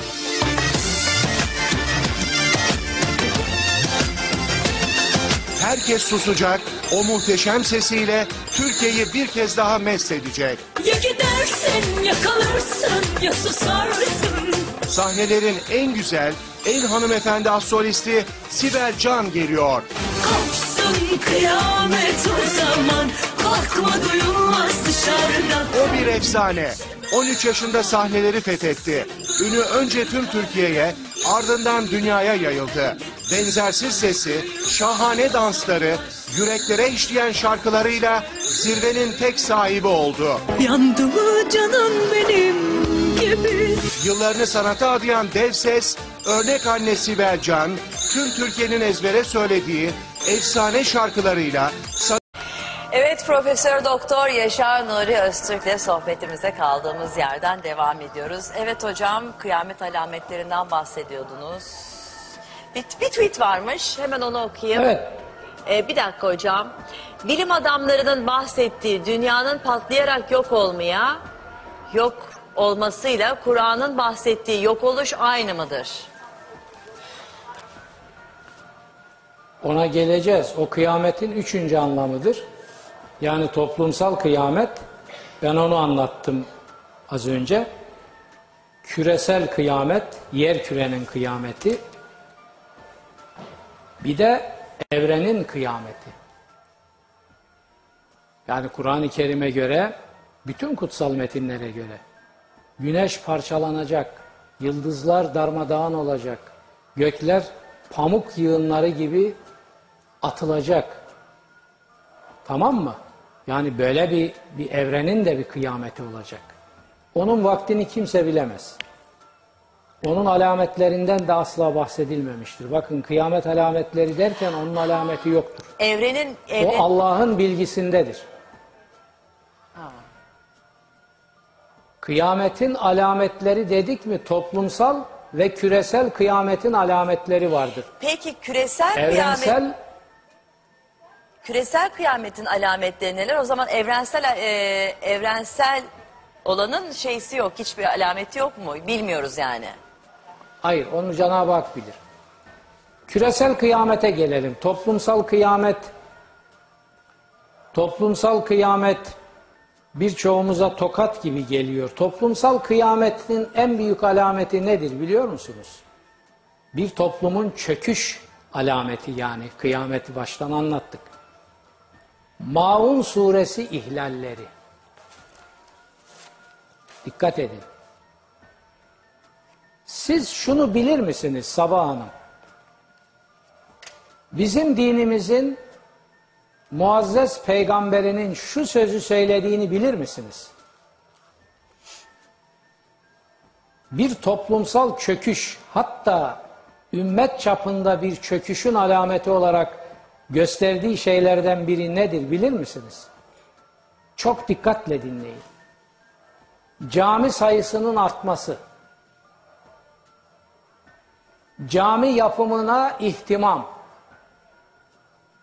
camilerin görkemli yapılması, teşyidül mesacit tabirini kullanmıştır. Süslü, püslü, görkemli camilerin artması. Bu hem dinin çöküşünün alametidir hem toplumun çöküşünün alametidir. Millet uyumasın, uyumasın. Neden hocam? Niçin? Ne, ne deniyor bu konuyla Çünkü ilgili? Ha deniyor ki Hazreti Peygamber diyor ki eski ümmetlerin çöküş sebeplerinin başında onların mabetleri görkemli yapmaları gelmiştir. Benim ümmetimin çöküşü de bu yüzden olacaktır diyor. Niçin? Görkemli ve çok sayıda mabet dine riyanın girdiğini, riyanın dini istila ettiğini gösterir. Maun suresi de bunu veriyor bize. Bu lanetli bir durumdur ve bu toplumu da dini de çöküşe götürür. Bunları biliyor muyuz? Bilmiyordum hocam ne yalan. Bunları bilmeden bu dini anlamak mümkün mü? Bunları bilmeden gerçek dindarla sahtekar dinciyi ayırmak mümkün mü? Bunları bilmeden dinin rahmetiyle din adı altında sergilenen laneti anlamak mümkün mü? Bunlardan bahsetmezler asla. Çünkü bunlar birilerinin altından koltuğu alır. Bunları yok farz ederler. Varsa yoksa varsa yoksa kandırmaya, Allah ile aldatmaya yönelik fotoğraflar. Şimdi Kur'an-ı Kerim bize diyor ki Maun suresi 3 satır bir sure. Maun suresi ihlalleri bir toplumda artmışsa o toplum çöküşe adım atmış demektir. Ben bunun için son kitabımdır şu an itibariyle Maun suresini o üç satırlık sureyi 400 küsür sayfa bir kitap yaptım. Çünkü o bilinmeden bu dinden hayır görmek mümkün değil. Ve onun üstünü örtmüşler asırlardır. Maun suresi adeta Kur'an'dan çıkarılmıştır. Allah bizi bir Kur'an bendesi olarak buna muvaffak etti. Onun üstünü örtülen şalı açtık. Onun için milletime tekrar buradan tekrar söylüyorum. Maun suresi kitabını okuyun. İnanan da okusun. inanmayan da okusun. Bu toplumun yarınlarını düşünen herkes okusun. Namaz kılanlar da okusun, kılmayanlar da okusun. Beni sevenler de okusun, sevmeyenler de okusun. Okusun bana sövsün. Mühim değil, oradan alacağını alır. Ben ondan emin bulunuyorum. Tamam hocam. Ee, Şimdi küresel afetlere veya belirtilere hocam bir soru gelince. var. Ee, bugün de biliyorsunuz güneş tutulması var. Onunla da ilgili bir soru. Güneş tutulması ve ay tutulması Kur'an'da geçiyor mu? Kur'an'da geçmiyor ama insan hayatında var. Peygamberimizin de e, sözlerinde çok geçiyor. Peygamberimiz güneş ve ay tutulmaları zamanında secdelere kapanmıştır. Çünkü hakikaten ürpertici manzaralardır. Küresel, evrensel manzaralardır. E, husuf ve küsuf bu insanlık tarihi kadar eski. Tabii onun sarsıcı tarafı şudur Sabahcığım.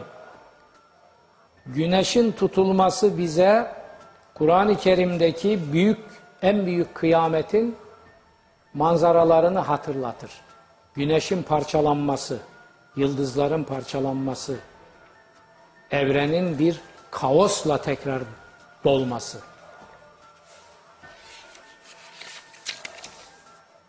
Ama güneş tutulması bir kıyamet alameti filan olarak gösterilmemiştir. Ha o şekilde gösterilmemiştir değil mi? Baş... Peki. Hayır, hayır, hayır. Doğal bir hadisedir. Peki. Ee, diğer şeylere geçelim. Diğer alametlere geçelim. Küresel yani toplumsalı verdik, Toplumsalı verdik. Şimdi küresele küresel. geçeceğiz. Evet. küresele geçtik. Evrensel bu bugün ona giremeyiz zaten.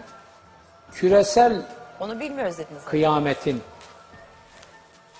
Hah, küresel kıyametin dünya ile ilgili yer küre ile ilgili kıyametin en büyük göstergesi Kur'an en çok bunun üzerinde durmuştur. En çok, en ayrıntılı bunun üzerinde durmuştur.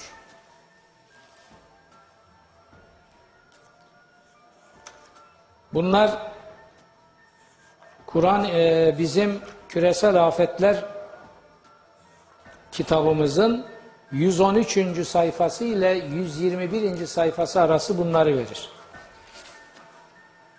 Ben burada yer kürenin kıyametinde ilk sıraya zehirli gazların artması. Kur'an'ın Duhan suresinde özellikle ki Duhan zaten İngilizce'de sen bilirsin smoke dediğimiz şeydir, zehirli duman. Böyle bu adı taşıyan bir sure var Kur'an-ı Kerim'de. Ne diyor hocam Ve Duhan Kur'an-ı suresinde? Kerim bize diyor ki diyor ki kıyameti yerkürenin yaklaştığı zaman sema, uzay zehirli gazlarla dolar. Aynen mesela Stephen Hawking'in söylediğinin kelime kelime karşılığıdır. Kur'an-ı Kerim'de bu var. Bak ne diyor? Artık sen o göğün açıkça izlenen bir duman getireceği günü gözle. İnsanları kuşatıp sarar. İnletici bir azaptır bu duman. Ey Rabbimiz kaldır bizden bu azabı. Biz gerçekten müminleriz diye insanlar inlemeye başlarlar. Zehirli gazların atmosferi istila etmesi. Bugünkü bilim diliyle ifadesi budur bu. Birincisi bu. İki,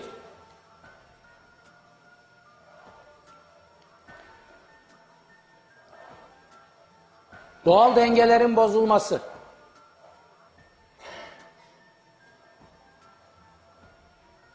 Burada Kur'an-ı Kerim kutuplarda buzulların erimesine açıkça dikkat çekiyor.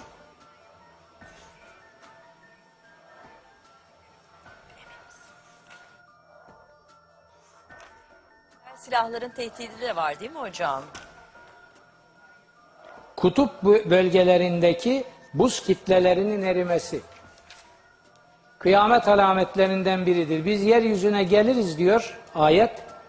O kutup bölgelerinde eksiltmeler yaparız. Kullanılan tabir tenkıs tabiridir. O o kutuplarda o buzullar nasıl böyle tıraşlanmış gibi zaman içinde böyle tıraşlana tıraşlana gidiyor. Onlar öyle oldukça iklim dengeleri değişiyor, bitki dengeleri değişiyor. Dünyada sel, su baskını vesaire gibi felaketler birbiri ardınca gidiyor. Bunları izliyoruz. Sıcaklık dereceleri alt üst oluyor, dengeler alt üst oluyor.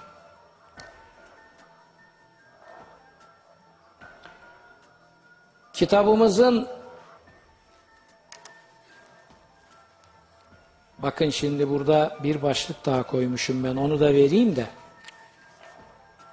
zehirli gazlar meselesinin olduğu bahiste 118. sayfada Nükleer nükleer silahların artması ve tehdidi. Şimdi bazı zavallılar çıkıp Kur'an'da nükleer silahlardan mı bahsedilir be sen ne diyorsun kardeşim diyebilir.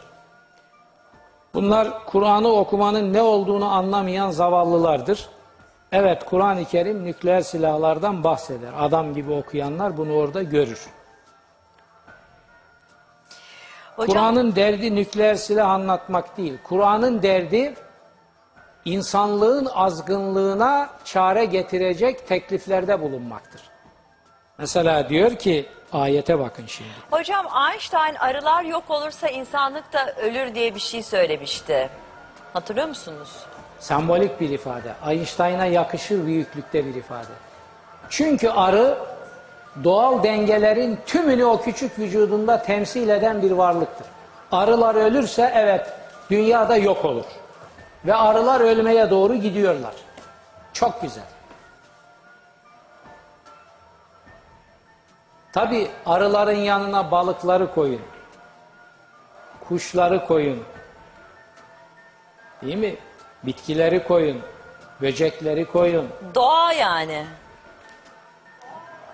Evet. Şimdi bakın nükleer silahların tehdidi. Kur'an'da şu ifade var. Kur'an'ın hermeneutik bir kitap olduğunu, her asırda yeni gelişmelere göre yeniden tefsir edilmesi gerektiğini bilen, gerçek adam olanlar, ilim ve irfan sahibi olanlar bu dediklerimi çok iyi anlarlar.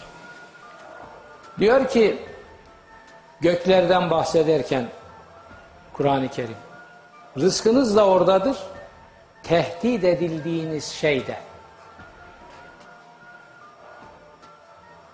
Rızkımız orada çünkü su oradan geliyor. Tehdit edildiğimiz şey de orada çünkü ozon orada deliniyor. Ve fis semâi rizkukum ve mâ tu'adûn. Bir cümle. Ama Kur'an cümlesi bu. Rızkınız da tehdit edildiğiniz şey de oradadır, göktedir diyor. Nükleer silahların tehdidi. Tabi burada tafsilatı var 118. sayfa.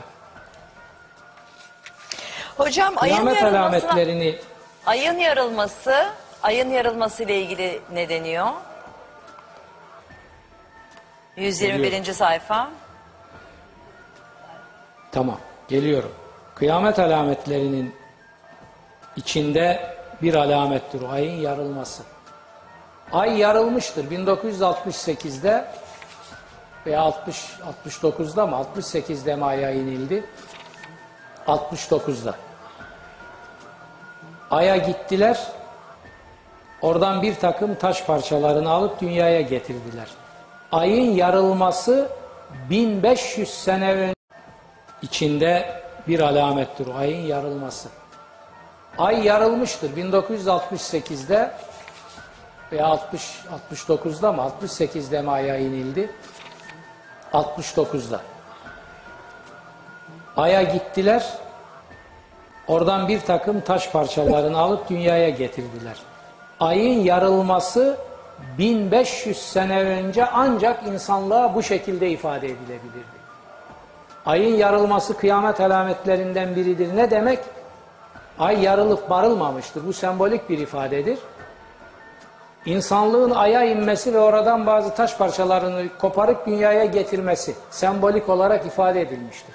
O da kıyametin yaklaştığının alametlerinden biridir. Onu bir hocam Kur'an'ın Kamer suresi. Kamer suresini bir okuyup açıklayabilir misiniz bize? Aynen öyle diyor kendisi. Kıyamet yaklaştı. İktarabetis sa'a. Vanşakkal kamer. Ay yarıldı. Fakat diyor, Türkçelerini vereyim devamının. Bu alametleri görür de insanoğlu hiç dikkat etmeden burnunu kıvırıp gider. Bunlara büyü der, eğlence der, oyun der, der de der. Ama bunlar küresel ve hatta evrensel kıyametin yaklaştığını ama küresel kıyametin ciddi biçimde yaklaştığını gösteriyor. Bir şey daha. Zuhruf suresinde bu. Kitabın 124. sayfası. Kıyamet alametlerinden biri de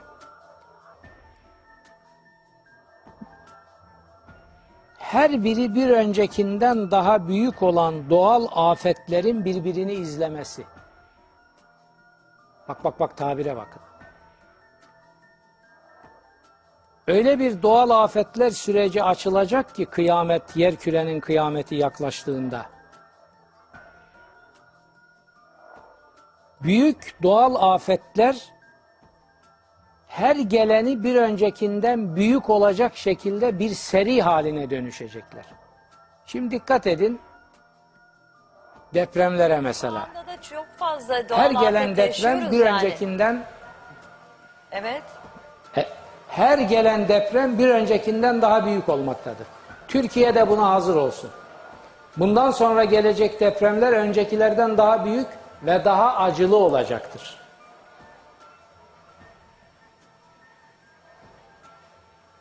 Banka hesaplarını şişirmek için binaların kumundan, çakılından çalanların vicdanları çınlasın eğer vicdanları varsa. Ve devlet binalarını bunlara ihale edenlerin de vicdanları çınlasın eğer vicdanları kalmışsa.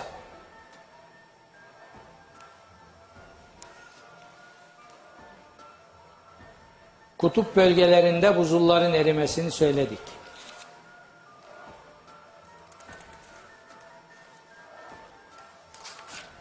Yeryüzünün bitkileri layıkıyla besleyip yetiştirecek kıvamdan çıkması, çoraklaşması, piçleştirilmiş tohumların dünyayı istila etmesi. İşte bugün onu da yaşıyoruz.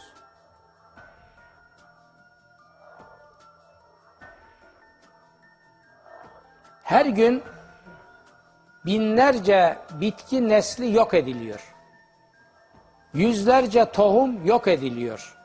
Fazla üretim adı altında. Zıkkım yiyesiniz asla gözünüz doymadı, paraya doymadınız. İnsanlığı mahvetme pahasına banka hesaplarını şişiriyor bu melun alçaklar. Dünyanın her tarafında tahtlarını kurmuşlar. Evet, dünyanın felaketini paraya tahvil ediyorlar. Doğru.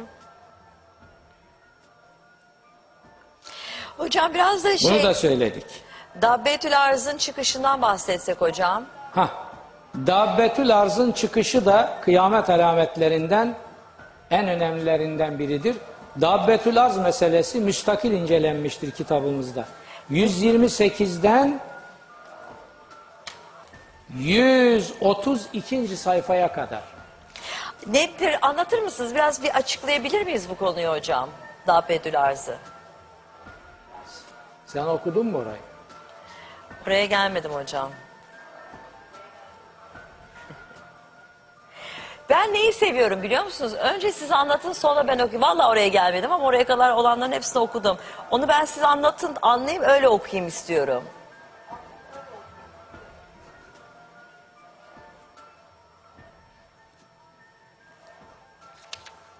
Dabbetül arz ilginç bir kıyamet alametidir. Kur'an bunu veriyor. Bir de siz Stephen Bir Hawking'le kıyamet alameti olduğunu. Şimdi bu dabbetül arz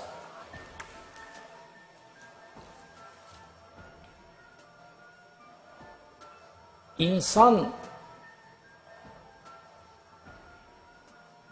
ama insan olarak fonksiyonlarını tam icra edemeyen bir varlık. Bütün klasik tefsirleri tararsanız Hazreti Ali'den beri bu nokta üzerinde durulmuştur. Bir defa Dabbetül Arz bir insan varlıktır. Hiç. Dabbetül Arz trendir diyenler çıkmıştır, uçaktır diyenler, tanktır diyenler çıkmıştır. Hiçbiri Kur'an'dan onay alamaz. Çünkü Dabbetül Arz Kur'an ondan bahsederken insanlara kıyametin yaklaştığı yönünde uyarılar yapan bir varlıktır diyor. Ya kardeşim tankla uçak veya bilmem tren bu nitelikleri taşır mı ya? varlık diyor. Peki hocam hangi surede bahsediyor? Birazcık onu söyler misiniz? Bir de onu açıklar mısınız? Tabi. Neml suresi 80-85. ayetler. Diyor ki ayete bakın. O gün yaklaştığında yeryüzünden onlar için bir dabbe çıkarırız. Nedir bu dabbenin niteliği? Tükellimuhum. Onlara konuşur diyor. Kelam eder, kelam eder. Bakın. Tren kelam etmez, kafanı çalıştır. Ben demedim Tank da hocam bana. kelam etmez. Ay sanki ben dedim. Ya ben de sana demiyorum ya. Ha tamam. Sana demiyorum ben de şimdi. Bu- Lafıma limon sıkma benim. Ne der onlara konuşur da biliyor musun? Bu dabbetül arz. Onlara der ki siz Allah'ın ayetlerine ihanet ettiniz. Allah'ın ayetlerinin başında da tabiat geliyor. Onları yozlaştırdınız, bozdunuz. Onun için başınıza bir büyük felaket gelecektir der. Bunu tren tank demez insana. Bunu insana kim der? Bunu insana insan der. Fakat Kur'an-ı Kerim diyor ki bu öyle bir insan ki insan olarak fonksiyonlarını zorlukla yerine getirir. En büyük uyarıları yapar fakat insan olarak fonksiyonlarını tam yerine getiremez. Tam konuşamaz. İşaretlerle konuşur. Vasıtayla konuşur. Siz onun tam için mi yürüyemez. Stephen Hawking olduğunu iddia ettiniz? Bana göre. Size göre Ben evet. onu tabii hüküm olarak alamam. İddia Bana göre Dabbetül Arz çıkmıştır ve Kur'an'ın verilerine ve hadis-i şeriflerin verilerine göre tamı tamına Stephen Hawking'tir. Ben kendisine de bunu yazdım seneler önce Star'da yazı yazarken İngilizce metinler halinde kendine il- ilettim. Verdiler vermediler bilemem. Çünkü insanlığı bu son çeyrek yüzyılda kıyametin yaklaştığına yani yer kürenin yaşanamaz hale gelmek üzere olduğuna ilişkin en ciddi biçimde ve Kur'an'ın gösterdiği istikamette uyaran tek insandır. Kitabı okuyanlar bizim söylediklerimizi daha iyi anlayacaklar. Dabbetül arz yer küreden çıkacaktır. Bir, Kur'an'ın verileri. Dabbetül arz bir insandır. Elmalı Hamdi'nin dediği gibi kuyruklu bir varlık değildir diyor. Sakalı olabilecek bir varlıktır. Yani insandır diyor kendine es- espri içinde. Dabbetül arz meramını Tekniği rahat mi? konuşarak değil, zorlukla ifade eder. Kim aracılığıyla konuşuyor esas? Yardımcılar aracılığıyla Stephen Hawking.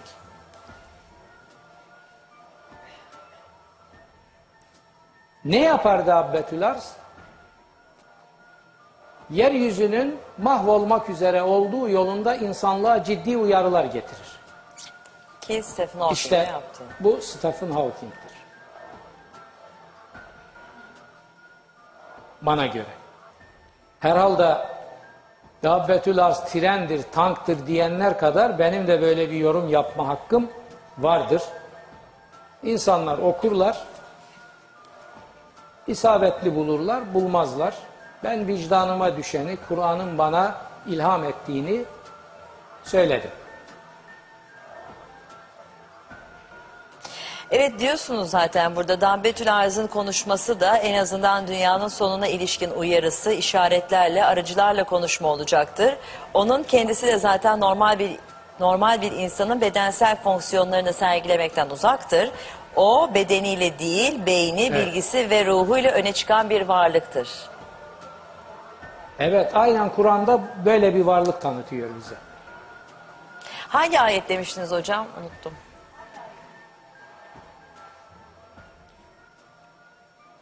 Neml suresinin suresinde. 80-85. ayetlerine bakacaksınız.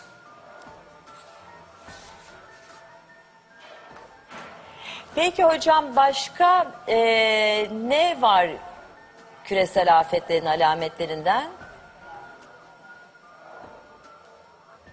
Evet. Bu 2012'de dünyanın sonu gelecek iddialarına filan ne diyorsunuz hocam? Mesela Maya takvimine göre öyle bir şey var Hayır, ya. efendim, dünyanın- depremler dünyanın çoğaldı, sonu, afetler çoğaldı filan. 2012 falan filan öyle saçmalıkları boş ver. Hiç Alametlerinden bahsediyoruz. 2012 2012 dediğin zaman kıyamet kopuyor demektir. O zaman pılı pırtıyı toplayalım şimdiden. Hocam kopuyorsa pılıyı pırtıyı toplamaya gerek de yok. Kopuyor yani.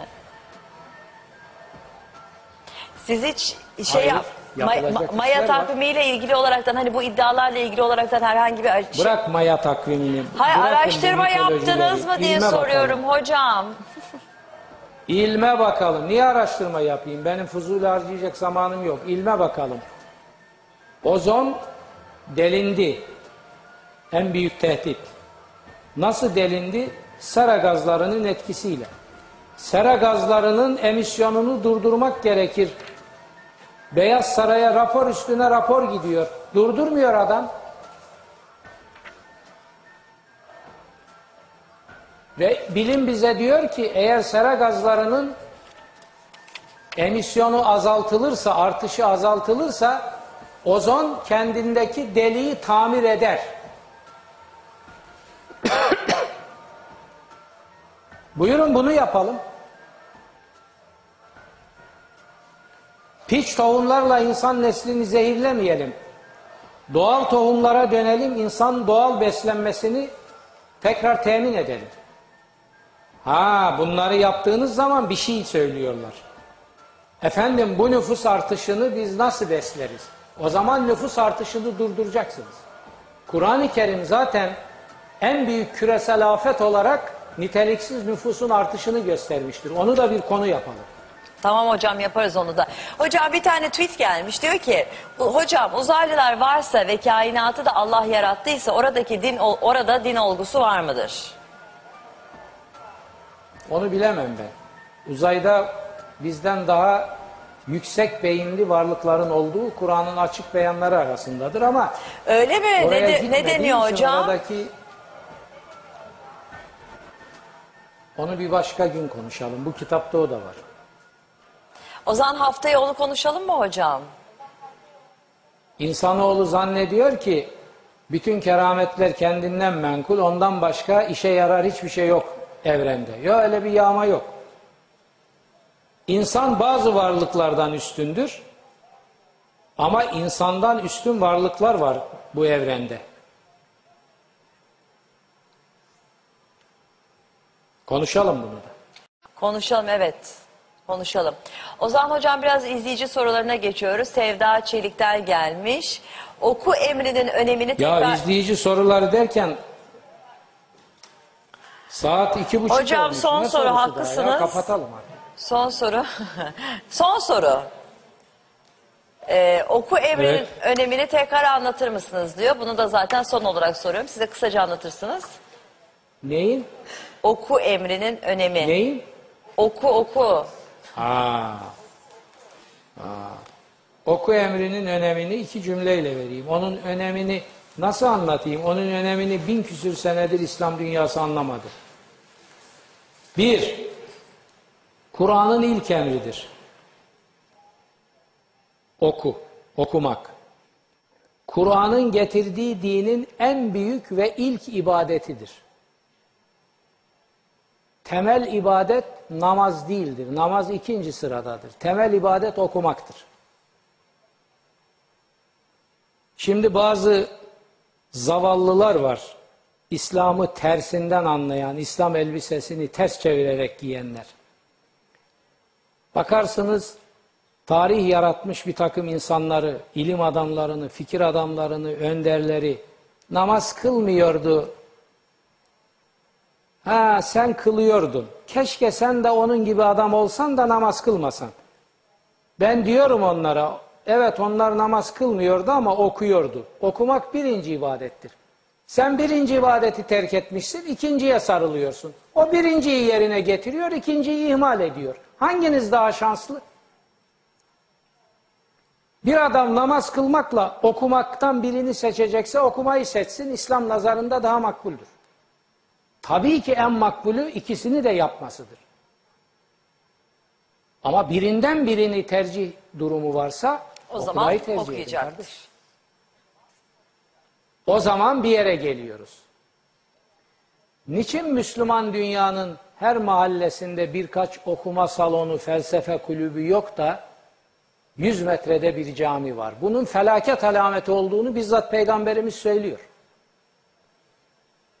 İlk emir uygulamaya konursa ilk ve temel mabet okuma salonları, felsefe kulüpleridir, mekteplerdir. Türkiye'de cami sayısı mektep sayısının birkaç katıdır. Bu Müslümanlık alameti falan olamaz. Bunu Müslümanlık alameti diye yutturmaya kalkanlar kendilerini de halkı da aldatıyorlar demektir. Yazık günah. Hocam e, haftaya çok güzel konulardan bahsedeceğiz. Yine az önce söylemiş olduğunuz gibi uzay, uzaylılar o gelen tweetin üzerinden yola çıkarız. Ondan sonra biz zaten size diğer konuları da diğer başlıkları da belirleriz. Çok teşekkür ediyoruz. Çok güzel, çok Tabii. güzel. Çok güzel, çok Eğer keyifli bir doktorum- programdı. doktorum pro- İnşallah haftaya da burada... Dinle. Dinle. Dinle. Eğer doktorum Profesör Özcan Bey, Özcan Gökçe bana haftaya da evden çıkmayacaksın, oradan yapacaksın programını derse ona da hazır olun. Çünkü Hocam ben inatçı şey yarı deli bir adamım. Bana kalsa ben çi- bugün oradaydım. Ama doktor Hocam bizim için önemli gidemezsin olan bir yere dedi. bizim için önemli olan sizinle beraber olmamız. Neyse. Gerek oradasınız, gerek burada bur- burada olmanızı tabii ki çok isterim. Ama e, Allah sağlık versin öncelikle sağlığınız önemli bizim için. E, eğer doktorunuz Özcan Bey o şekilde söylerse tabii ki yine bağlantı yaparız. Olmadı zaten burada olacaksınız. Sizinle karşılıklı sütlacımızı, sütlacımızı konuşamıyorum artık hocam. sütlacımızı yiyeceğiz inşallah. İzleye, izleyenlerimiz izleyenlerimiz bize dualarını artırsınlar. Hepsine şükran borçluyum. Bize yağmur gibi dualar gönderdiler. Rahmet gibi üstümüze yağdırdılar. Bir arkadaşım, bir emniyet müdürü arkadaşım geçen gün dedi. Ben bir hesap yaptım dedi. Son birkaç gündür 30 milyon insan sana dua ediyor. Çok büyük mutluluk duyuyorum. Onun büyük tesirini de açıkça gördüm. Onlar devam etsinler. Allah'ın izniyle haftaya stüdyoda onlara hitap edeceğiz. İnşallah hocam bekliyoruz sizi dört gözle. Size de bütün izleyicilerimize de çok mutlu bir hafta sonu tatili diliyoruz. Hoşçakalın.